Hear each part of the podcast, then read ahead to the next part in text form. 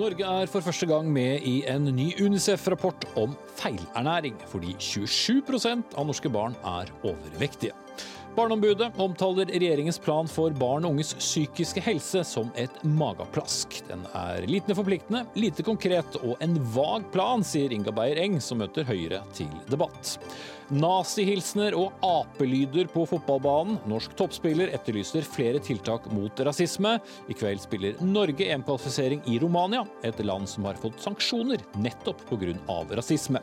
Og er TV-serier like bra som bøker? Vel, ingen grunn til å ha dårlig samvittighet for å fråtse i TV-serier, beroliger en professor som kommer til denne episoden av Dagsnytt 18.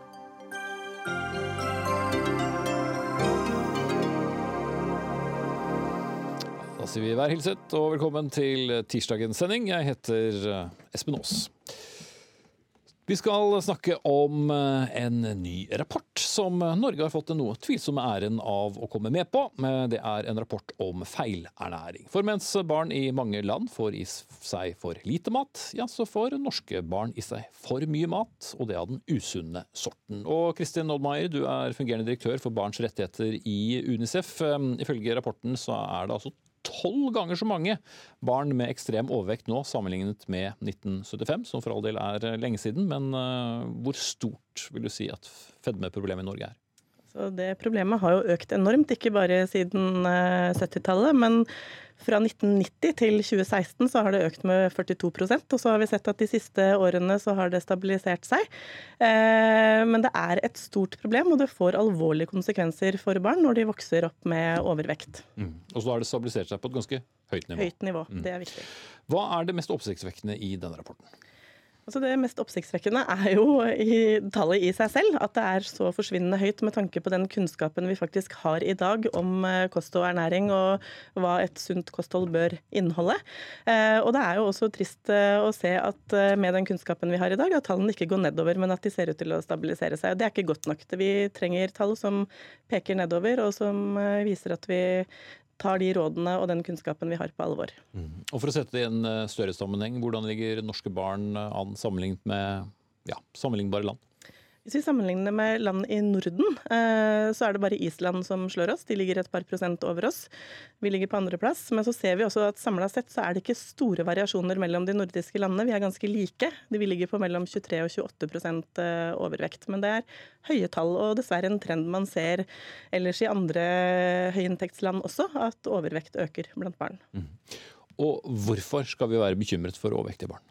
Det vi skal være bekymra for, er jo konsekvensene det får for barns liv. Det er nå engang sånn at barn har rett til god helse og sunn mat. Det er en menneskerettighet barn faktisk har. Og vi vet at når de ikke får tilgang på god helse og god mat, så gjør det noe med hjernens utvikling f.eks., som vi vet er spesielt viktig i toårsalderen, i tenårene. Vi vet at det kan føre til store fysiske helseplager senere i livet, og at man er mer i risiko for å bli overvektig som voksen, utvikle livsstilssykdommer osv. Men så er det også en annen viktig komponent. og det er at overvekt er stigmatisert i samfunnet vårt i dag. Det har en stor omkostning for det enkelte barn ofte å være overvektig og leve med skammen over å være det. Også med de fysiske begrensningene det kan føre til. Eh, og det kan føre til depresjoner og andre psykiske helseplager som vi også må ta på alvor. Mm. Og ikke minst kanskje koste også ganske mye penger for samfunnet. Folkehelseminister Sylvi Listhaug fra Fremskrittspartiet, det var kanskje ikke en liste du ønsket å se Norge på? Nei, men jeg er jo veldig glad for at det stabiliserte seg, og at det ikke har vært en økning de siste åra. Det er jo bra.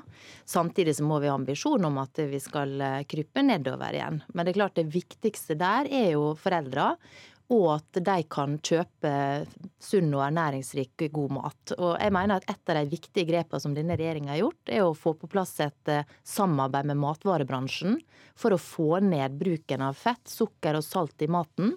Jeg kjenner i hvert fall meg sjøl igjen i dette bildet av tidsklemma. Du kommer hjem igjen og ungene er sulten, du er sulten og mannen er sulten. Og så går det litt fort i svingene å lage mat, og da tyr man gjerne til pose eller til ferdigmat. Mm. Hvis den posematen og ferdigmaten inneholder mindre fett, salt og sukker, så er det bra for hele vår familie og for veldig mange andre familier. Og gjennom å jobbe sånn med bensinstasjoner, med serveringssteder, sånn som vi gjør nå, kiosker, der de har sunne alternativ, så vil det ha en del å si. Men så handler det jo ikke bare om hva vi putter inn i munnen, det handler også om vi beveger oss. Eh, og da er det sånn at Som foreldre så er det viktig å få ungene ut på Løkka og spille fotball, kanskje istedenfor å sitte foran TV-en og spille TV-spill. Det gamle regnestykket forbrenner mer kalorier enn man eh, putter i seg. Mm. Andreas Vistad, du er matskribent og grunnlegger av noe som heter Geitmyra matkultursenter for barn. Ble du overrasket over funnene i rapporten? Nei, jeg ble ikke det. Verden har blitt mye mer komplisert. Da, da jeg og Sylvi var, eh, var, barn, så var det enkelt. Da skulle vi spise opp maten vår og tenke på barna i Afrika som eh, hadde det vondt eh, fordi de ikke hadde nok mat. Men nå ser vi at dette med fedme og overvekt har blitt et globalt problem. Og jeg tror at vi eh, bare tar tak i feil type verktøykasse. Altså det Sylvi nevner nå, er klassiske sånn på en måte moralistiske ting. At vi kan gå inn og regulere og få, eh, få, industrien til å gjøre det. Jeg mener at det er nødvendig med masse sånne tiltak. Men det viktigste, det er kunnskap. ikke sant? Sylvi vokste opp på gård. Jeg vokste opp med å være på småbruk med besteforeldre som hadde kunnskap. På Geitmyra opplever vi hele tiden at barn kommer, og de kommer fra hjem uten grunnleggende kunnskap om å lage mat. Dårlige foreldre? Nei, ja, men det? Hvis, hvis, vi som samfunn ikke har dyrka den kunnskapen, så er det litt som å ikke kunne svømme. Du kan ikke fortelle foreldre som ikke kan svømme, at de skal lære ungene sine å svømme. Og så i dette tilfellet så er det sånn at, at, at, at, det er som om syndefloden er på vei. Og vi ber folk om å bli flinkere til å svømme, men vi må ha da svømmeundervisning. Vi må ha kunnskap om hvordan å ta sunne matvalg. Og hvor, hvem konkret skal eh, gi den kunnskapen? Altså, vi har masse bra arenaer for å gjøre det, uten å gå inn som jeg vet at uh, Sylvi og mange politikere med rette er redde for, at man går inn og sier dette skal dere spise på tirsdagsmiddagen. Det er opp til uh, familien. Men vi har barnehager, vi har skole, vi har uh, aktivitetsskole og, og SFO. Og der serverer vi ofte veldig dårlig mat. Vi har et mat- og helsefag som er et nøkkelfag i skolen. Men vi ser at myndighetene satser ikke på disse tingene. Og vi ser til og med at denne regjeringen, som har kjempeflotte ord i Granavolden-erklæringen om å satse mer på barn og mat, de har kutta på eh, aktiviteter for å få barn til å spise mer sjømat, f.eks. Det tror jeg er veldig uheldig. Mm, jeg mener jo det er viktig at vi som foreldre også etterspør at f.eks. i barnehagene at det er sunn mat der. Eh, på mange barnehager så serverer de god og ernæringsrik mat. Andre steder har de mindre serveringstilbud. Så det varierer sterkt. Men vi har jo som foreldre et ansvar for å, for å følge opp det. Det har vi, men, men vi må ikke tenke på mat som bare noe som vi driver og gir til barna våre. Vi må gi kunnskap. Vi gjør det på alle andre felt. Vi sier jo at ungene skal løpe ut på fotballbanen, de skal ikke bare se på de beste. Uh, uh, ungene skal lære å skrive, selv om de er ganske dårlige en stund, så blir de bedre av det. Sånn er det også med mat. Jo, men Foreldre skal øke velstand, og foreldre skal jobbe, og foreldre skal fø disse barna. så da må det bare bli sånn. Jeg tror at vår generasjon, beklager, vår generasjon er i mange tilfeller en tapt sak. Hvis du er middelaldrende foreldre sånn som oss, som ikke kan lage mat, eller ikke gidder, da er løpet kjørt. Vi kan ikke gjøre noe med det. Men de som er barn og unge i dag, de har rett på kunnskap som skal bringe dem videre i livet. Men er det regjeringens uh, skyld? Det er jo først og fremst vårt ansvar. Ettersom vi har bestemt oss for at vi skal ha eh, offentlig finansiering av barnehager, skoler, vi har offentlige reguleringer av alle de tingene, så har vi en arena hvor alle partier er enige om at vi skal ha skole. Alle partier er enige om at vi skal for ha et mat- og helsefag. Eh, og alle er enige om at norsk sjømat, grønnsaker, er sunt og bra. Vi ønsker økt forbruk på det. Da må vi ha kunnskap eh, sånn at barna får muligheten til å ta de tingene. For det er jo ikke sånn at man ikke vet at brokkoli er sunt og potetgull er usunt. Men mange vet ikke hva de skal gjøre hvis de kommer og møter en brokkoli en tirsdag og skal eh, lage middag. Ja, det er jo derfor nettopp at det er så viktig at ferdigmaten, at vi jobber for at den blir sunnere. Men det skal jo ikke vi politikere sitte og vedta. Men det er jo bransjen som gjør jobben for oss. Og deretter så er det jo forbrukeren som ønsker å kjøpe de produktene.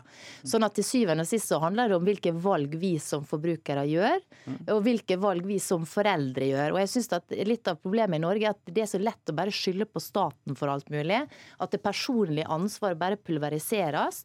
Og jeg syns det er viktig at man har det personlige personlige ansvar. Du er jo folkehelseminister, det ligger vel ja, noe i den jobben. Men det skal ikke være noe overformynderi? Nei, og vi skal informere og legge til rette for at man skal ta gode valg. Vi skal samarbeide med bransjen og gjøre alt det. Men jeg tror det finnes ikke en politiker som mener at vi skal gå inn og regulere og bestemme hva folk skal spise til syvende og men, sist. For de valgene er man nødt til å gjøre. Selvfølgelig. Men, men når vi har en folkehelseminister som mange har hissa seg opp over at du er glad i Pepsi, røyk og grillpølser. Jeg er ikke sur på det. Det tenker jeg helt, det er ditt valg. Helt greit. Men du har kunnskapen, så du kan velge å ta noe sunt, sunne, fornuftige valg, fordi du har fått den kunnskapen med deg både hjemmefra og fra skolen. Men unger som vokser opp i dag, de må få den samme valgmuligheten som deg. Og da kan det godt være at de sitter eh, godt voksne og velger grillpølser, eh, brus og, og, og Pepsi. Det, det, er, det, er, faktisk et valg. Men hvis du ikke ja, men Sier du nå at du skal ha andre rollemodeller som politikere? Nei, nei, nei, det er det jeg sier. Jeg er blant de som ikke lar meg hisse opp over det. Jeg lar meg hisse opp over at vi har myndigheter som ikke satser på å gi barn og unge den reelle valgmuligheten det er. Fordi vi, vi må ha kunnskap om å lage mat. Men, det holder ikke bare men det er jo, altså, Jeg har datter nå som har mat og helse på skolen. Mm. De får masse, Hun kommer tilbake og forteller og legger ut om hvordan man skal lage mat, og hva man skal gjøre og hva man ikke skal gjøre. og sånn. Den opplæringa får barn rundt omkring i Norge i dag, og det er det som skolen kan gjøre. Kjempebra, men, men vi vet at det faget f.eks. har vært eh, har, har lidd med at de har fått for lite ressurser og for lite kompetanse. Det er jo kommunene som må, må, må velge også... å prioritere. Og det, heldigvis så er det mange steder man gjør det. Vi har jo hatt nok av historier opp gjennom tida der man sitter og tegner pizza istedenfor å lage mm. pizza. Det er jo ikke noe særlig god opplæring av barn. Så får vi håpe det at de fleste kommuner nå faktisk har seg råd til at eh, læreren får penger, sånn at de kan lage mat. Men først og fremst så legger du ansvaret på hjemmet? Altså, jeg mener at vi som samfunn har et ansvar for å informere, jobbe sammen med matvarebransjen om å få ned bruken av salt, sukker og fett og sånn.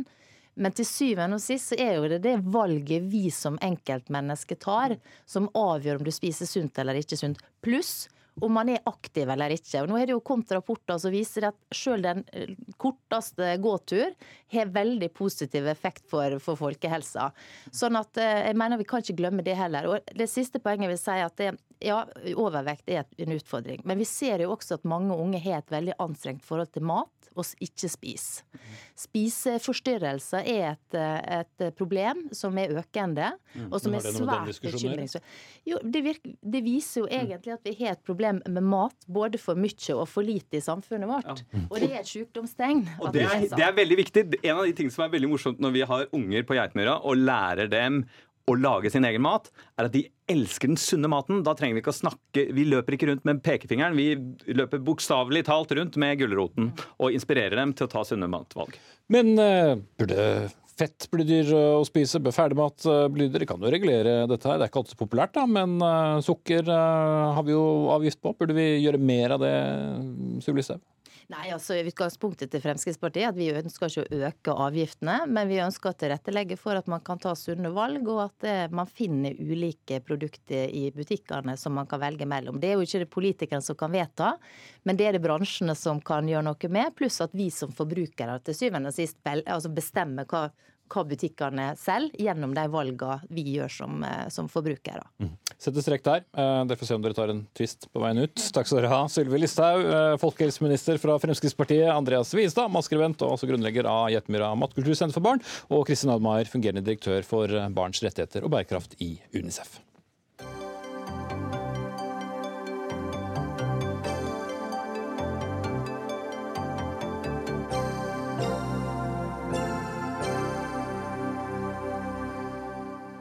Og det blir eh, mer om eh, helse nå. Vi skal snakke om regjeringens opptrappingsplan for barn og unges psykiske helse. Det var eh, høring om den på Stortinget i går, og blant de mange som var der, var du barneombud Inga Beyer Eng, og du har for så vidt for lengst karakterisert denne planen som et mageplask. Hva er det du savner? Jeg savner en, et klart mål. Eh, jeg tenker at Enhver plan bør ha et godt mål. Eh, og så bør man ha noen gode tiltak som forplikter de som skal eh, være med på å nå det målet. Og det mener jeg at den planen ikke har. Hva vil det være et godt mål? Sunn psykisk helse? ja, Det må jo være, og det vil jeg tro at også er for så vidt målet, selv om det ikke er definert så klart i planen, det er jo at barn og unge ungdom skal få bedre helsehjelp enn det de får i dag. Fordi at når det er sagt, så, så står vi overfor ganske store utfordringer. Eh, det er en fjerdedel av eh, barns sykdomsbyrde er psykiske plager. Og for veldig kort tid siden så fikk vi også en litt sånn sjokkerende nyhet fra, fra universitetet som sier at norske barn også ligger på topp i Europa på de som går inn og søker på selvskadingssider og selvmordssider. Eh, og samtidig som norske kommuner sier, veldig mange, over 50% sier at vi, det største utfordringen vi har, er å, å gjøre dette arbeidet bra både forebygging og lavterskeltilbud for de barna og ungdommene som bor i norske kommuner. Og da tenker jeg at da hadde jo jeg forventet da en ordentlig tydelig plan med tydelige tiltak, og sånn det var mulig å evaluere i ettertid. Så du fant ikke noe særlig du likte i den rapporten? Du, du finner masse som man liker, men, men, jeg er litt opptatt av systematikk. Jeg er opptatt av at man skal, hvis man skal nå et mål, så må, må målet være tydelig. Og så må man ha tydelig forpliktende tiltak for å nå det målet. Og så kan man i ettertid ha mulighet for å, å evaluere om har man har man gjort det man er forpliktet til å gjøre. Og mm. Det er den planen litt vanskelig, fordi den, den har noen uttrykk som er ganske sånn vage. Det er ikke, mye, det er ikke så mye forpliktelser i det. Det er mer sånn vurdere og. Ikke sant? Det er ikke den som jeg er vant til. Mer sånn 'dette skal gjøres'. Jo, jo, men psykisk helse det er jo ikke, det er jo ikke en firkant Nei. som man kan putte alle inn i. Men vi kan se om Sveinung Stensland, stortingsrepresentant for Høyre, kan berolige deg litt.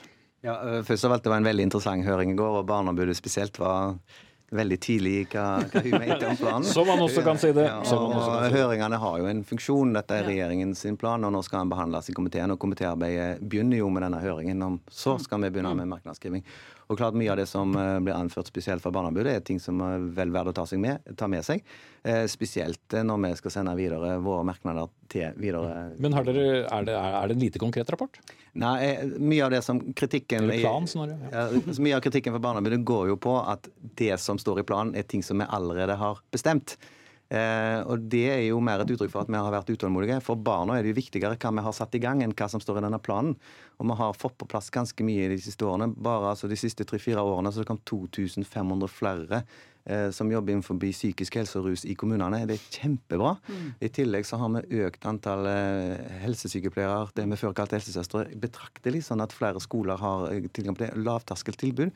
Hvis jeg skal få kritisere planen, så syns jeg han er for dårlig på forebygging. Mm. For vi snakker mye om reparasjon, mye om lavterskeltilbud. Men det beste er jo å komme i gang før en faktisk får en psykisk helseutfordring. Og det, det er alle som kjenner noen som sliter mentalt. Mm de vet hvor vanskelig det er. Det er mm. mye lettere å forholde seg til sykdom der du kan skjære eller ta en tablett, så går alt over. Men mm. psykiske helseutfordringer er, som programlederen er inne på, ikke bare å putte ting inn i en boks. Mm. Hva frykter du blir konsekvensene med dette mageplasket, som du har kalt det, Bering? Ja, Det er jo i verste fall at det ikke blir noe bedre.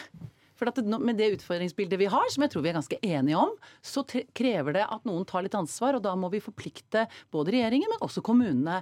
Og det jeg kanskje vil stille spørsmål om, hvordan har denne planen tenkt å forplikte kommunene til å utvikle gode, kunnskapsbaserte tiltak, lavterskeltilbud, til ungdom som sliter? Altså, hvordan har man tenkt å sørge for at hjelpen blir lik? Ute i kommunene der, der barn eh, trenger det. Det klarer ikke jeg å se i denne planen. Eh, det er litt opp til kommunene, ser det ut som, å velge selv. Og så nevner planen masse eksempler på, på, tiltak som er rundt i landet i dag. Og når jeg leser det, så, så, så slår det meg liksom ja, men Hvilke av disse tiltakene som nevnes, er kunnskapsbasert? Altså, Det kan jo ikke være sånn at vi setter inn tiltak for denne sårbare gruppen basert på gode ideer. Vi må jo vite eh, når vi bruker penger, og det vil jeg tenke at regjeringen er opptatt av, når vi bruker penger så må man vite om tiltakene har effekt. Ja. Ja. Hva er da målet med, med en sånn plan, eh, Stensland, hvis ikke det burde vært et ultimat mål? Målet er jo selvfølgelig at eh, færre skal slite med seg sjøl, at vi skal få mm. snudd utviklingen med stadig flere som har psykiske helseutfordringer, at vi òg får mindre selvskading og færre selvmord, som jo er, i ferd med å bli en stor utfordring. Eh, men igjen så er det, er det jo en litt rar kritikk. For mye av dette, f.eks. dette med psykologer i kommunene, har jo Stortinget vedtatt. Mm. At det skal på plass i alle kommuner fra neste år av. Eh, vi har gjennomført en gylne regel som sier at vi skal satse mer på syke, eller minst like mye på psykisk helse som på somatikk.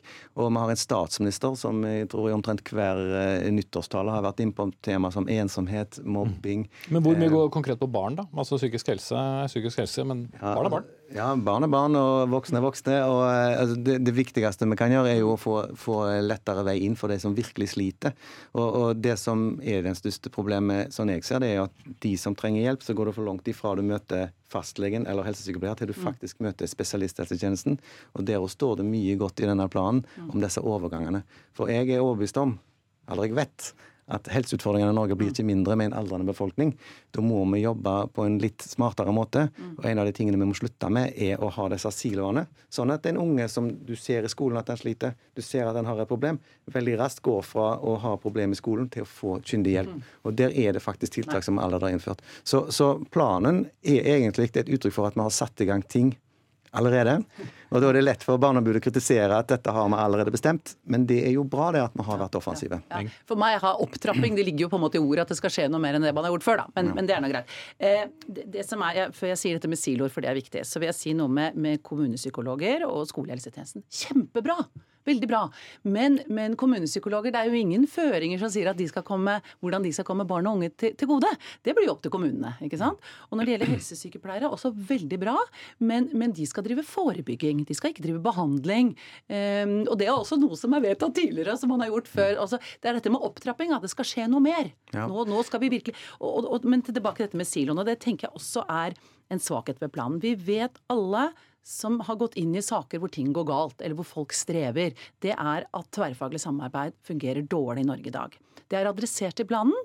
Og det jeg skulle ønske at den planen nå kunne gjøre, var å si OK, nå ser vi på de modellene vi har hatt rundt om i Kommune-Norge, de som har forsøkt seg på gode organisasjonsstrukturer, og så tar vi kunnskapen ut fra de, og så lager vi en god nasjonal modell som kommunene kan bruke. Jeg må Litt sånn hjertesuk som Barneombudet et år nå. Det er jo ikke grenser for hvor mange piloter og prosjekter vi har. Altså, Jeg rennes jo ned av de.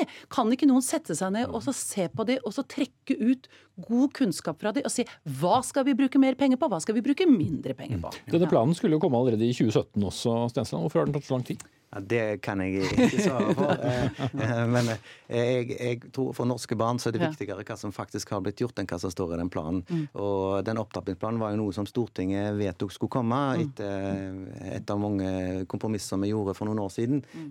Dette var veldig viktig for noen samarbeidspartier å få på plass, og så har en jobba med det her. Og så har utfordringen da vært at en har satt i gang en del ting, så må ting systematisere. Og igjen tilbake til disse skottene eller siloene vi har. Mm. Det fins gode modeller. Det er òg nevnt i planen. Jeg er ikke mm. sikker på om du har lest alle punktene man kommer an i planen. Det fins mm. eksempler. F.eks. i Helse Fonna i min hjemregion har hatt et stort arbeid med hvordan møter du et barn med spiseforstyrrelser. Hvordan skal det møtes? Hvordan er veien dit? Et barn som sliter med andre utfordringer, hvordan skal det møtes? ADHD-problematikk. Var har òg peke på i Namsos, så har de en veldig raskt eh, utredning for ADHD, som mm. er en utfordring for mange. Eh, så, så er helt, jeg er ikke helt med på all kritikken, men kom, mm. jeg vil takke for et veldig gode innspill i høringen i går, både for Barneombudet og mange andre. Ok, Nå er det i hvert fall politikerne som skal ta den eh, videre. Takk til Inga Beireng, barneombud, og Sveinung Stensland fra Helsekomiteen på Stortinget, og også fra Høyre.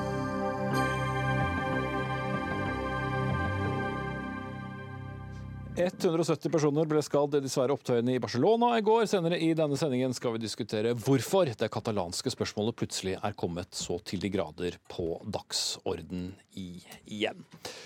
Apelyder og nazihilsener dominerte kampen mellom England og Bulgaria i går. Ja, så ille var hetsingen av enkelte spillere at kampen måtte stanses to ganger. Presidenten for det bulgarske fotballforbundet har i dag gått av. I kveld spiller det norske herrelandslaget EM-kvalifiseringskamp mot Romania. og Norske ledere frykter at spillere kan bli utsatt for rasisme i forbindelse med den kampen også. Sist måned ble rumenerne dømt av det europeiske fotballforbundet til å spille med tomme tribuner i kveldens kamp mot Norge, nettopp pga. rasisme fra eh, supportere i tidligere kamper. Og Terje Svendsen, president i Norges Fotballforbund, du er med oss fra Bucarest. Hva gjør Uefa, det europeiske fotballforbundet, med det mange hevder er voksende rasismeproblem i fotballen? For det første så driver jo Uefa og Fifa også holdningsskapende arbeid imot rasisme, og har i prinsippet da en, en nulltoleranse mot rasisme. Og også straffer de, da, de land og, og klubber hvor, hvor jeg forekommer. Gjør det. Ja, Det virket jo ikke som det hadde hjulpet så mye når vi så gårsdagen. Eh, nei, absolutt ikke. og det, det, er et tiltagende problem i en del land, dessverre. dette her, og Det er noe som etter min mening vi må ha nulltoleranse for, og også se på hvordan fotballorganisasjonene skal straffe dette. Vi opplever jo nå sant, at uh, vi har kommet til Romania, hvor de da ble dømt til å spille for uh, tomme tribuner. Og så har de via et hull i regelverket klart å fylle opp stadion med 30 000 barn og 3000 voksne. Og For meg så blir det et paradoks da, at man har et regelverk med sanksjoner hvor man klarer å omgå det, slik at eh, straffen med tromme tribuner blir på ingen måte en realitet. Eh, hadde vi altså Bulgaria eh, i går, Romania nå. Er det et særlig østeuropeisk problem?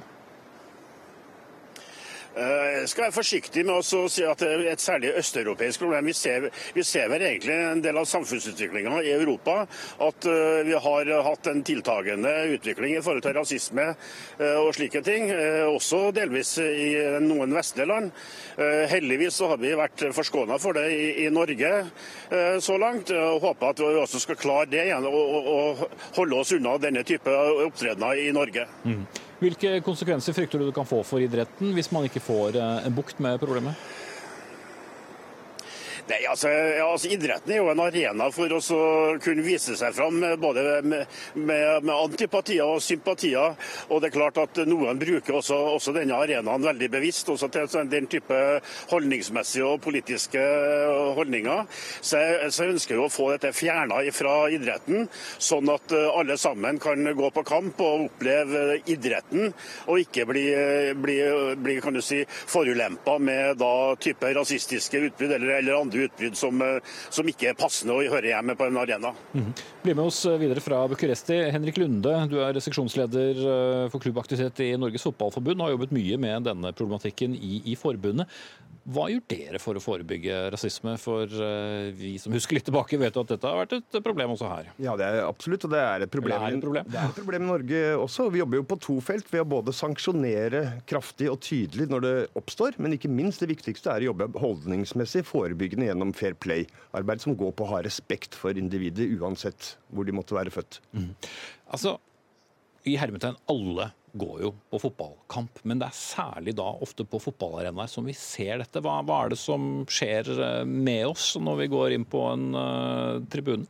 Det er klart på tribunen, det, Man får et eget liv som supporter, men, men på den siden i tribunen i Norge har det vært veldig bra. Det har gjort masse godt jobbing fra supporterklubber over hele Norge på en sånn felles selvjustis på at dette er helt uakseptabelt. Så kan man rope absolutt ikke alt så mye gløgge ting ellers, men der går det en grense. og Det tror jeg gjelder samtlige supporterklubber, i hvert fall i Norge. Mm -hmm. Eh, Mohammed Keita, du er fotballspiller på Strømsgodset og bl.a. cupmester i 2010 og seriemester i 2013. Og har eh, opplevd å få rasistiske kommentarer når du har vært eh, på banen. Eh, hvis jeg kan be deg være konkret, hva har du opplevd?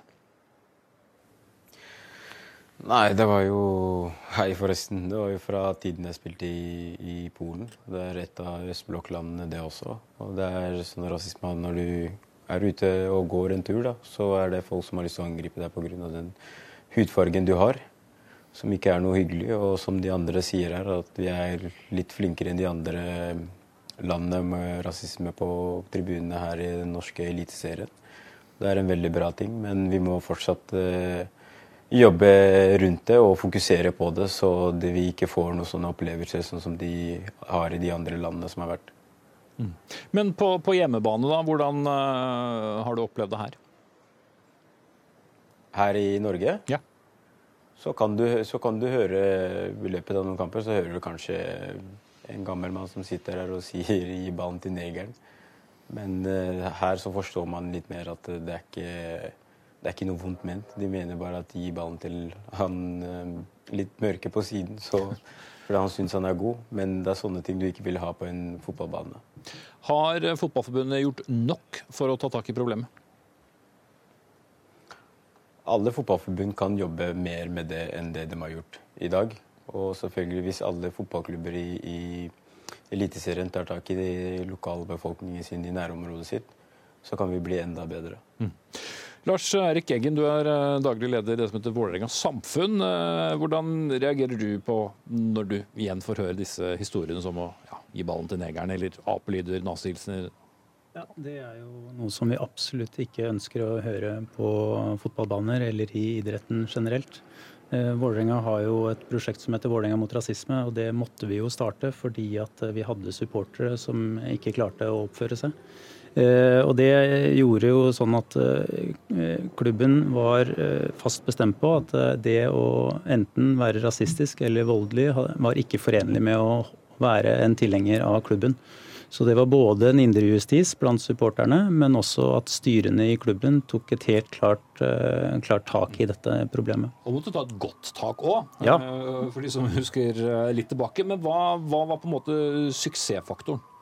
Eh, suksessfaktoren var både å bare ha et klart og tydelig standpunkt, men, men den indrejustisen som da klanen, som er supporterne til Vålerenga, også klarte å innarbeide blant seg, det var utrolig viktig. Eh, Terje Svendsen, stadig med oss fra, fra, Bucuresti og president i Norges Fotballforbund. Et, et, virkemiddel har jo vært da å straffe hjemmelag, altså som vi var inne på innledningsvis, med å nekte publikum adgang. Det gikk vel sånn helt passe, ser du til eh, der du er nå. Er det andre ting som man bør eh, sette i gang? Jeg synes jo, altså Man har jo anledning til å straffe, og da må man sørge for at straffen blir effektiv. Uh, og da, altså, det å nekte publikum Man kan også gå så langt og si at man ikke får spille på hjemmebane.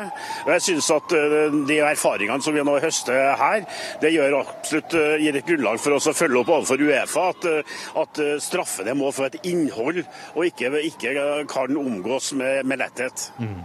Eh, Lars Lagerbäck, landslagssjefen, har jo vært bekymret for våre fotballspillere i kveld. Er det grunn til det? Eh, vi har jo prøvd å ha to tanker i hodet når vi har vært her nede nå. Vi er enige oss å skjerme laget for eh, denne diskusjonen som pågår, eh, sånn at de er mest mulig skjerpa og klar for kamp. Og så har vi i støtteapparatet forberedt oss på eventuelle scenarioer som måtte oppstå, sånn at vi er beredt til det. Men eh, vi håper jo selvfølgelig at kampen i kveld også skal gå uten, eh, uten denne form for tildragelser. Men vi, vi, har tenkt gjennom ulike scenarioer. Mm, da sier vi takk til deg, fotballpresident Terje Svendsen fra Bucuresti i, i Romania. Eh, gå tilbake til, til, deg, Henrik Lunde. Altså 400 000 medlemmer i 2000 forskjellige klubber. Mange i yngre årsklasser. Hvordan når dere frem til dem? Det er den store utfordringen, og det kommer flere tusen nye hvert eneste år. Så dette er jo en kontinuerlig jobbing som må, som må, gjøres. Så er det jo da, Vi er så store, så folk tar med seg de holdningene de ellers måtte ha i samfunnet, også i de timene de er på en fotballbane. Så det er klart dette er et samfunnsproblem, men vi må gjøre vår jobb når de er på vår arena. Og da tror jeg saker som de veldig triste vi har nå, men også gir et veldig godt signal. At både fotballpresidenten, profiler, går så klart ut mot at jeg er med og viser at dette her er fullstendig uakseptabelt i fotballen, som Lars Erik sier. Mm. Men har det vært en oppblomstring nå med de hendelsene i, i Øst-Europa? Altså jeg vil si eh, Vålerenga spilte jo i Europacupen i 2007. og Da var det også to av våre spillere som fikk eh, rasistiske tilrop. Eh, og som vi også prøvde å ta tak i da. Eh, så dette har jo vedvart lenge. Men jeg, jeg lurer jo litt på sanksjonsreglementet til Uefa. Eh, når vi fortsatt ikke klarer å få bukt med all denne rasismen. Mm. Nei, for det Hvis faktisk tribunene hadde vært helt tomme, som det kanskje ser ut som ikke de, de blir da, så er i hvert fall det et ganske sterkt signal. og til et hjemmepublikum om at de ikke er egnet til å gå på fotballkamp. Det er det absolutt. Men eh, noen siste råd. Mohammed Keita med oss fra, fra, fra Strømsgodset. Eh, er det først og fremst et uh, utenlandsk problem, eller uh, har du noen siste råd som du vil gi i denne saken? Nei, jeg tror jo det er et problem som er overalt. Det er litt her i Norge òg. Det er ikke sånn at det er ingen fotballspillere som ikke har opplevd noe rasisme her i Norge heller. Men som han ene sier der, er at det er et samfunnsproblem. Og vi fotballspillere og fotball er såpass så stor sport at vi har en så stor, stor påvirkning på lokalsamfunnet og samfunnet. Og vi er forbilder, så vi må brukes mye tøffere inn mot akkurat denne saken her. Mm. Bry seg om det som skjer på banen, rett og slett. Takk skal du ha, Mohammed Keita, fotballspiller fra Strømsgodset, og takk til dere i studio, Henrik Lunde, seksjonsleder for klubb aktivitet i Norges Fotballforbund, og Lars Erik Eggen, daglig leder i Vålerenga, Vålerenga Samfunn.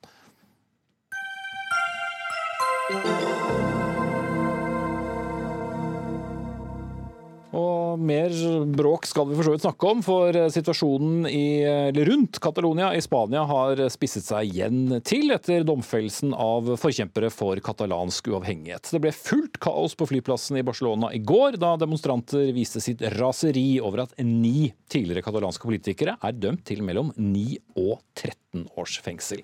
170 personer ble skadd i opptøyene, og det er frykt for mer opptøyer i dag. Markus Buch, førsteamanuensis ved Institutt for samfunnsvitenskap ved Universitetet i Tromsø. Du har uh, fulgt med på, på denne saken. Hvorfor eksploderte det så veldig nå? Dette har vært planlagt lenge. Eh, man har snakket i månedsvis om hva som skulle være svaret, uansett hva dommen ville være. Så at det ville komme denne type reaksjon, det var man helt klar over. Og så blir som vanlig da den katalanske regjeringen stiller seg mellom barken og veden. I dag så har Kim Torra, som er statsminister i Catalonia, gått ut og rost demonstrantene, samtidig som eh, en annen av hans ministre må rose det katalanske politiet for at de banker opp de samme demonstrantene.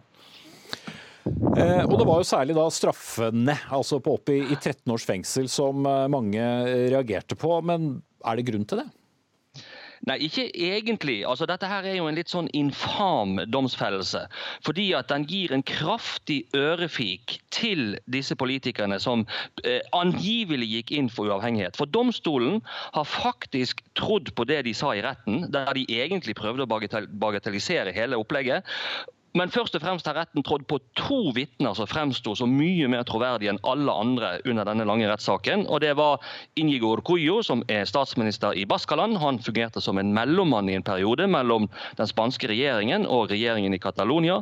Og Santi Vila, som var næringsminister i den katalanske regjeringen, men gikk av øyeblikkelig da, da den eh, ensidige uavhengigheten ble erklært. Og Disse to sier helt klart at Puigdemont og de andre ikke ville egentlig ha et fritt og uavhengig Catalonia. De ville presse regjeringen til forhandlinger. Og Det så vi jo også etter den folkeavstemningen, at Puigdemont nølte og nølte før han ble presset av gaten til å erklære uavhengighet. Men det betyr jo i dag at det sitter en masse eh, som er ihuga tilhengere av uavhengighet og føler seg snytt. For dommen har jo rett og slett kommet frem til at dette her var, en, det var juks og fanteri fra ende til annen. Mange former for raseri her. Stortingsrepresentant Espen Barth Eide fra Arbeiderpartiet, tidligere utenriksminister og kjenner også regionen der eh, godt. Det er jo lang tid siden de virkelig store opptøyene uh, fant uh, sted. Hva har egentlig skjedd underveis? Ja, Det er jo ganske nøyaktig to år nå siden det ble holdt en uformell og etter Spanias syn da ulovlig folkeavstemning i Catalonia om løsrivelse. Der var det da slik at langt under halvparten av innbyggerne faktisk deltok, men av de som deltok, var det stort flertall for løsrivelse. Og så gikk da den katalanske regjeringen ut og et, etter en del nøling, som Buch helt riktig sier, og gikk ut og erklærte selvstendighet, noe det ikke er rom for i den, i den spanske grunnloven, like litt som det ville vært det i Norge. altså Kongeriket Norge er fritt og udelelig like, er, rike, er paragraf 1 i Grunnloven. Sånn er det i de fleste land. Og dette har da ført til, Det førte da til en voldsom konfrontasjon mellom katalanske nasjonalister på den ene siden, og en svært sentralistisk, nasjonalistisk linje fra daværende statsminister Rajoy. Det som har skjedd siden, er at ingen av problemene er løst, men den nåværende statsministeren i Spania har valgt en litt annen form. Han har ikke endret noe standpunkt, egentlig, fra Spanias side mot dette, men har endret formen, og det har tatt litt av gnisten ut av opprøret frem til nå. Eh, fordi man ventet da på, på dette, og, og, og, det at man da fikk det katalan, mange katalanere mener er ganske brutale straffer, altså opp mot 13 eh, år for å arrangere en folkeavstemning, har da ført folk ut på gaten igjen. Så på en måte har domstolen har gitt eh, et nasjonalistisk prosjekt som hadde mistet litt av sin fremdrift etter en ny sak. Så nå er det ikke selvstendig i seg selv, med en reaksjon mot straffene mot de som arrangerte folkeavstemningen. Og Dette er et ganske uløselig og vanskelig problem. Ja, og Som Buch eh, jo absolutt var inne på, så var jo dette, det, dette ventet. altså det, Dette måtte jo komme, men det var kanskje ikke av verdens lett å, å, å forberede seg eh, på det heller? Nei, og, og, og akkurat som det, som, som det, ble sagt at den katalanske regjeringen er litt mellom barken og veden, så er det ikke så lett å være regjering i Spania heller. For de kan ikke gå ut og ta avstand fra Høyesterett, og mange vil også ha sympati for Høyesteretts, i hvert fall retningen. Men samtidig har man jo ikke ønsket å få en ny konfrontasjon, fordi at dette spørsmålet kunne egentlig vært løst for mange år siden om man hadde fortsatt på den veien som preget Spania for, for noen tiår siden, altså hvor man ga utvidet, gradvis mer utvidet selvstyre innen rammen av Spania. Og alle partiene i den spanske eh, nasjonalforsamlingen, unntatt Høyrepartiet på Partiet Populær, stemte for en ny konstitusjon som ga Catalonia utvidet selvstyre. Men så tok da Partiet Populær, som senere ble regjeringsparti, dette til det som heter konstitusjonsdomstolen. Og fire år etterpå kom de og sa at nye, disse nye statuttene eller den nye grunnloven var ulovlig. Eh, og da radikaliserte man en del av den katalanske befolkningen. Men kun halvparten, og sannsynligvis litt under halvparten. Så det er veldig viktig å ikke få inntrykk av at alle katalanere vil ha selvstendighet. Det er, eh, det er i beste fall litt under halvparten av de som bor i Catalonia som vil det. Men mange flere enn de eh, er eh, veldig negative til den spanske myndigheter og spansk politis reaksjon på det at man holdt en folkeavstemning. Mm. Ja, Markus Buch, det er jo umulig å spå om fremtiden som kjent, men allerede frykter man jo mer opptøyer, og det var jo veldig voldelig det vi så i går. Hvordan skal man klare å trå noenlunde varsomt og nennsomt herfra? Nei, altså De aller fleste kommentatorer sier at nå er det på tide med politikk igjen. Nå har politikken vært satt på vent eh, fordi det har vært i domstolens hender. Det skulle aldri ha havnet der.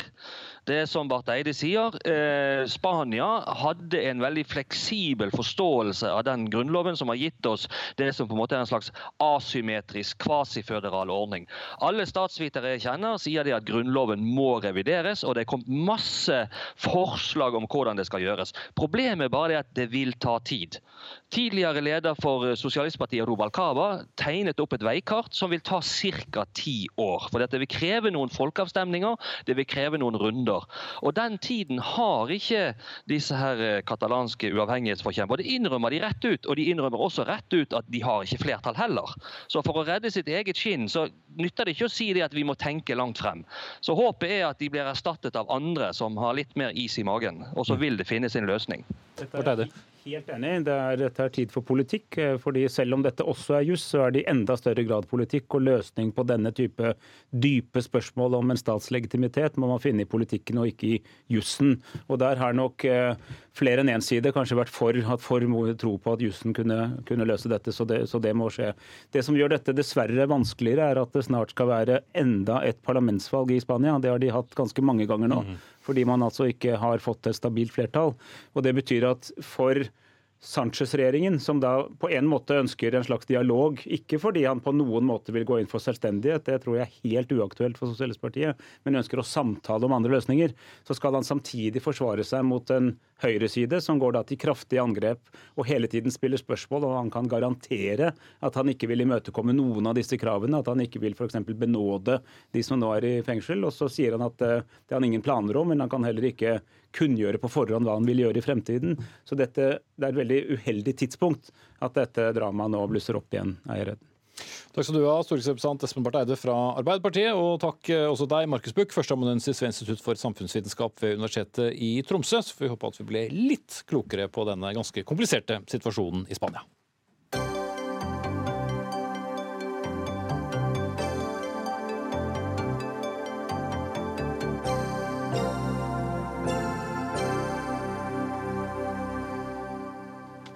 Til alle som har planer om å kjøpe, eller for den sakens skyld selge, bolig i nærmeste fremtid, så er det all grunn til å følge med nå. For Forbrukerrådet retter hard kritikk mot bl.a.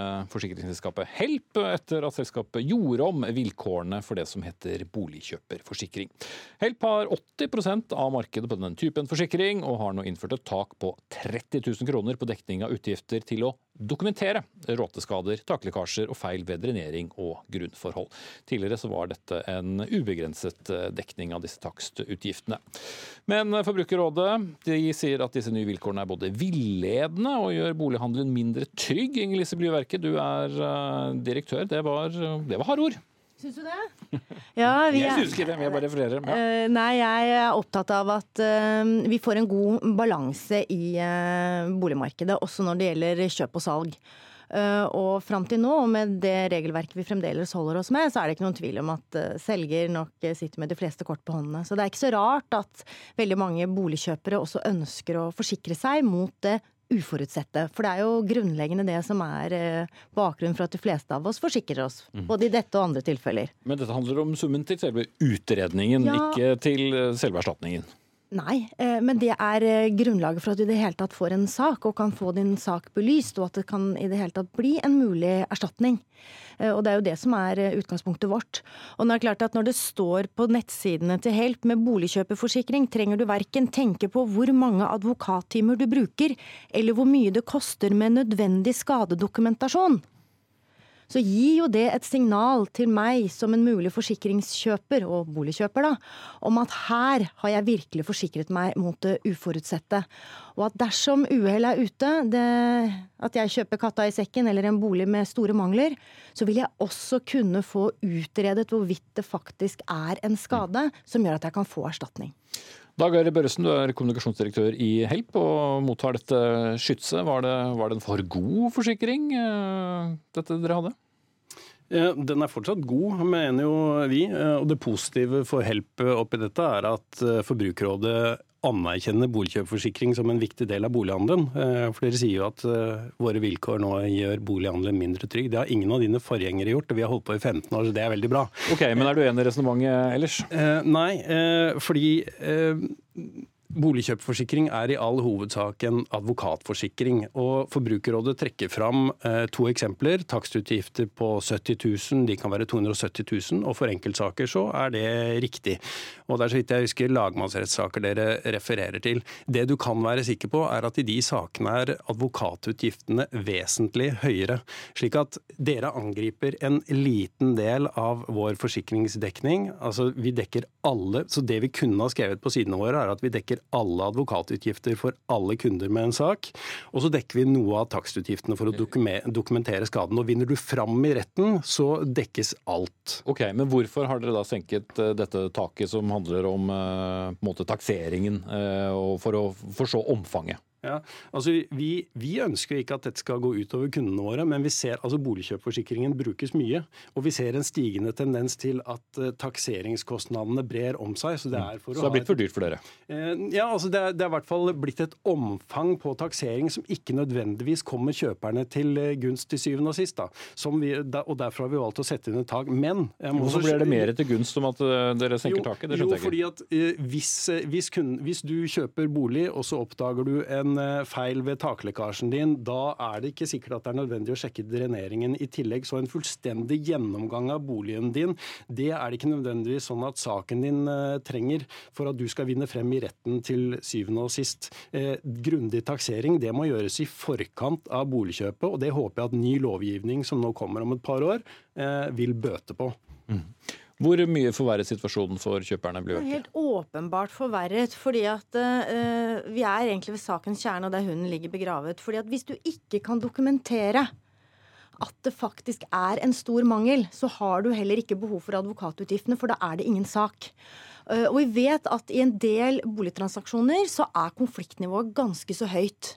Eh, Og vi vet også at på selgersiden, altså eierskifteforsikringen, så finnes det ikke et sånn type tak. Og vi vet også at veldig mange da på selgersiden trenerer saken, eh, bestrider grunnlaget du har fått dokumentert kanskje, ber om ytterligere dokumentasjon. Og da kan du komme i en situasjon som boligkjøper og boligforsikringskjøper at du faktisk kan ha en god sak, men du har ikke ressursene til å utrede saken og få det dokumentert. Og da hjelper det ikke at du kan vinne frem i retten. Fordi du hvis- kommer ikke dit. For du kommer aldri dit. Og det er klart at når du vinner frem i retten, så skjønner vi også at du får eh, saksomkostninger og du får en erstatning Jo. i tillegg. Men det er å komme dit før det. Ja. Men, men uh, dere trekker fram eksempler på to saker, og det finnes flere med høyere takstkostnader enn 30 000. Men vi har da eh, gått gjennom 30 000, nei, 70 000 saker gjennom de 15 årene vi har holdt på. Og for de aller fleste så holder 30 000 for å dokumentere skadene, så derfor har vi satt taket der.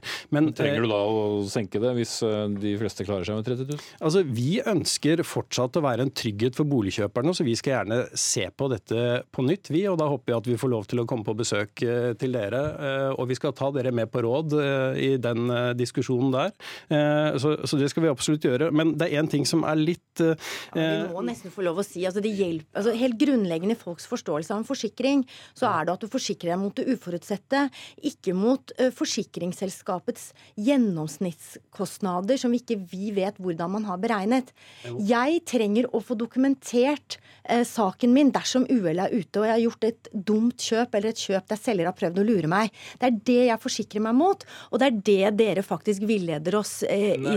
Jo, det, det gjør dere. Fordi at vi du kan vet, ikke forklare det på noen annen måte. hva gjennomsnittskostnadene er. Men det er ikke nå. Eh, nei, men ikke sant. Dette, dette, taket det holder da for de, de, aller fleste. Og en ting som er litt farlig med det, de rådene Forbrukerrådet nå gir, det var f.eks. så ringte en forbruker, en boligkjøper, ringte meg i går. Han hadde lest dine uttalelser i Dagens Næringsliv, eh, og hadde da fått inntrykk av at takstkostnadene er det vesentlige i en eh, boligsak. Men det er det altså ikke. I de sakene du refererer til, så er advokatkostnadene langt høyere. Eh, og dere, dere trekker stadig opp eh, villaforsikringens rettshjelpsdekning på 100 000 kroner som et alternativ til boligkjøpforsikring. Det vet jeg at vi har gjort, men uh, denne saken dreier seg om boligkjøpforsikring. Og du har helt rett når du hører at denne direktøren for Forbrukerrådet mener at den kan være et godt alternativ. Men vi mener samtidig at det er uheldig at det er satt et sånt tak, og vi mener at vi har rett til å mm. utfordre dere på det. Bare spørre om en annen ting, Blyverket. Dere går jo veldig da spesifikt på help eh, her. Ja, og det er, det, det er, et veldig greit spørsmål å få. For det første så har de, sier de selv, 80 eh, av akkurat dette markedet. Så de er definitivt den største aktøren. Og det er også der vi tydeligst så at det var et forskjell på de endrede vilkårene og det som sto på nettsidene deres. og Derfor syns vi det var naturlig å ta utgangspunkt i det. Og vi hadde også et møte med Help for ikke lenge siden etter at vilkårene var endret, men hvor det ikke ble gjort oppmerksom til oss engang om det. Men kundene har altså blitt gjort oppmerksom på det, og dette har ikke tilbakevirkende kraft. Så et, det, det, er nye kunder som, eh, som, har fått dette taket på, på takstutgifter, ikke de som allerede har kjøpt eh, forsikringen, bare så det er sagt. Ok. Dag Are Børresen, kommunikasjonsdirektør i Helt Forsikring, og Inger Lise Blyverket, direktør i Forbrukerrådet. Takk skal dere ha.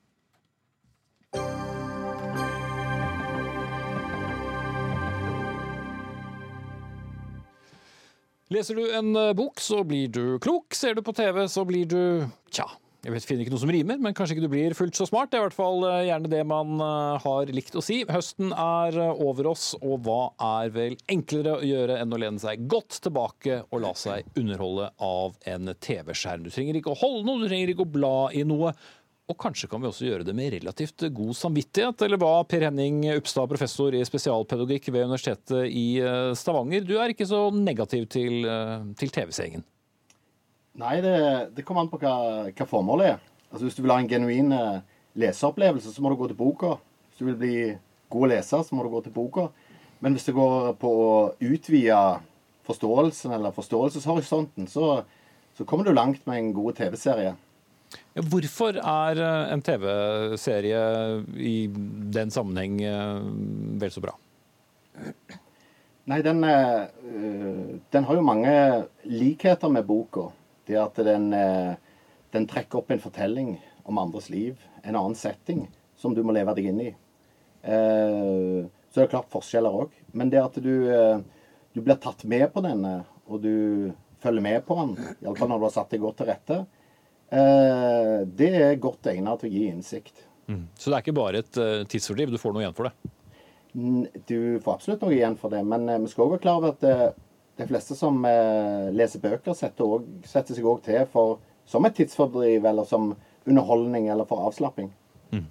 Marianne Skeide, du er leder i Norsk bibliotekforening, og en av de som er eh, bekymret, kanskje ikke så overraskende da, eh, over at unge ikke leser like mye bøker som eh, før. Men hvis de i stedet bruker tiden på en TV-serie, så er det kanskje ikke så ille? Ja, altså Jeg ser jo TV-serier sjøl, og er veldig glad i TV-serier. Samtidig som jeg leser bøker. Og jeg ser jo det, jeg ser jo hva jeg ikke får i en TV-serie. Jeg får ikke den nyansene og den dybden og hva skal vi si, det som skjer utenfor dialogen. F.eks. for eksempel, eh, Den siste boka jeg har lest nå, det er 'De sju dørene' av Agnes Ravatn. Jeg ser jo at det er eh, en fortelling som kanskje en gang blir filmatisert, fordi det er et veldig godt plott. Men det du ikke får med i den filmatiseringa, du vil ikke få med den, eh, den språkkunsten som er eh, på hver eneste side utenom dialogene. Og så er det også dette her som eh, Eh, som vi er litt bekymra for når det gjelder ungdom, det er at vi, vi savner Eller vi er litt bekymra for at de ikke skal få denne dybdelesninga, denne langlesninga. Det er jo der det, det skorter. Ungdom leser jo veldig mye i dag, men de lange tekstene som de skal stå i i ei stund, det er jo der det, det stopper litt opp. Mm. Mens Upstad, du mener at eh, boken har fått uh, litt for stor uh, status uh, i tanken på hva som utvikler oss? Ja, eh, og det har jo òg med eh, historisk å gjøre. Det at eh, boka har vært den primære kilden til både kunnskap og underholdning. Eh, så i dag så har vi jo fått opp mange parallelle eh, kilder til både kunnskap og underholdning. F.eks. Eh, podkast og, og, og TV-serier som, som, blir svært mye brukt. En annen ting er jo at det er ja, du, I introen her så, så snakket du f.eks. om god samvittighet, og du brukte frotse, fråtse, ordet fråtse. Altså, En legger liksom et sånn moralsk uh, perspektiv uh, på dette med, med å lese. Sånn det at, at, lesing blir sett på som noe mer høgverdig enn det andre. Jeg tror det er fordeler med å se det som en mer som en, ja, en linje eller et kontinuum. da. Mm. Så, det like, så, så, det kan være like fint å, å se en TV-serie som å, å, lese boken? Det kommer alt an på, på, hva du ser. Altså, la oss si det sånn, Dårlige bøker gir veldig lite innsikt. Mm. Og veldig lite Ja, men, ja, men det er helt sant. Det er helt sant. Mm. Men er du enig Scheide, i at boken kanskje har fått en litt for uh, høyverdig plass i, uh, i, en medieverden som har uh, utviklet seg? Og jøye meg har jo uh, summene som legges i, i TV-serier også økt formidabelt de siste årene? Ja, altså ja, jeg kan være enig i det. Fordi det, Av de kulturuttrykkene vi har, så er kanskje litteraturen det vanskeligst tilgjengelige. Altså, hvis du snakker om musikk, billedkunst, den type ting, så er det noe som på en måte treffer oss med en gang. Boka den kan utfordre det. Eh, men det finnes jo en type bok for alle, og det er jo der biblioteket kommer inn. Men det, altså, når det kommer en 16 år gammel gutt på et bibliotek og sier at at uh, han aldri leser før, og nå skal han skrive særoppgave om Ibsen, så må jo han snarest mulig ledes bort fra det. Det vil jo ende med en katastrofe. Vi kan jo drepe alt som heter leselyst. Og så må vi få han da til å lese noe annet som er da mer passende for han. Men så vet jeg også um, at min motdebattant sa at det, ungdommen har lært seg så godt engelsk også ved å se mye på TV-serier, og det er jeg nok enig i. Men så skal vi også huske for et språkpolitisk virkemiddel da boka er, hvordan det utvikler språket vårt, hvordan det gjør, det gir oss et høyere ordforråd, det vet jo vi fra forskning, og hvordan vi sjøl blir bedre skribenter av det. Mm. Det er jo noe som film og teater ikke kan gi oss på samme måten. Hadde ikke du vært med oss fra Ålesund, så hadde jeg nesten lurt på om du eh, tittet i papirene mine. For nettopp det poenget jeg ville ta for deg, Upstad, Uppstad. Hva med den språklige og grammatikalske utviklingen vår gjennom TV-serien? Jeg er helt enig i det at, at boka har sine helt klare fordeler. F.eks. For gjennom det språklige, at du må bygge dine egne forestillinger eh, ut ifra det som blir, eh, blir deg presentert. Og Det skiller seg jo fra filmen og TV-serien, der du i stor grad det er fortolka, og du blir presentert, og det er dialogene som du får. Mens eh, når du leser en bok, så, så må, du bygge, må, du sette den inn i en setting. og det, den vil være forskjellig fra den settingen som andre setter den inn i. Så du, du lager egentlig Du er aktivt medskapende på en annen måte da. Og det er klart at det er språklig eh, utviklende. Og eh, en av eh, Det som forskningen forskning viser, er jo at det, det, det har stor innvirkning på, på ordforråd. Mm. Eh, men eh, jeg vil våge å påstå at eh, det, det, norske elever kan av, av, muntlig engelsk, det har de ikke primært fra engelske bøker som de har lest. Eh, Skeide, du får eh, ti avslutningssekunder her nå. Ja, altså jeg tenker at Vi har en jobb å gjøre i å fortsatt å formidle gode bøker, eh, bøker til ungdom. Og så, er det slik at Folk som ser en film som er filmatisert, en bok, så sier de at boka var bedre. Og Det er jo en grunn til det. Ok, det, var, det holdt du faktisk siden nå. Takk skal du ha, Mariann Skeide, leder i Norsk bibliotekforening, og takk til Per Henning Upstad, professor i spesialpedagogikk. Denne episoden av eh, serien Dagsnytt 18 er i hvert fall ved veis ende. Dag Dørum eh, var ansvarlig for den. Finn Lie hadde tekniske ansvaret. Jeg heter Espen Aas, og vår neste episode får du møte programlederen Sigrid Solund, og det er allerede i morgen. Takk for nå.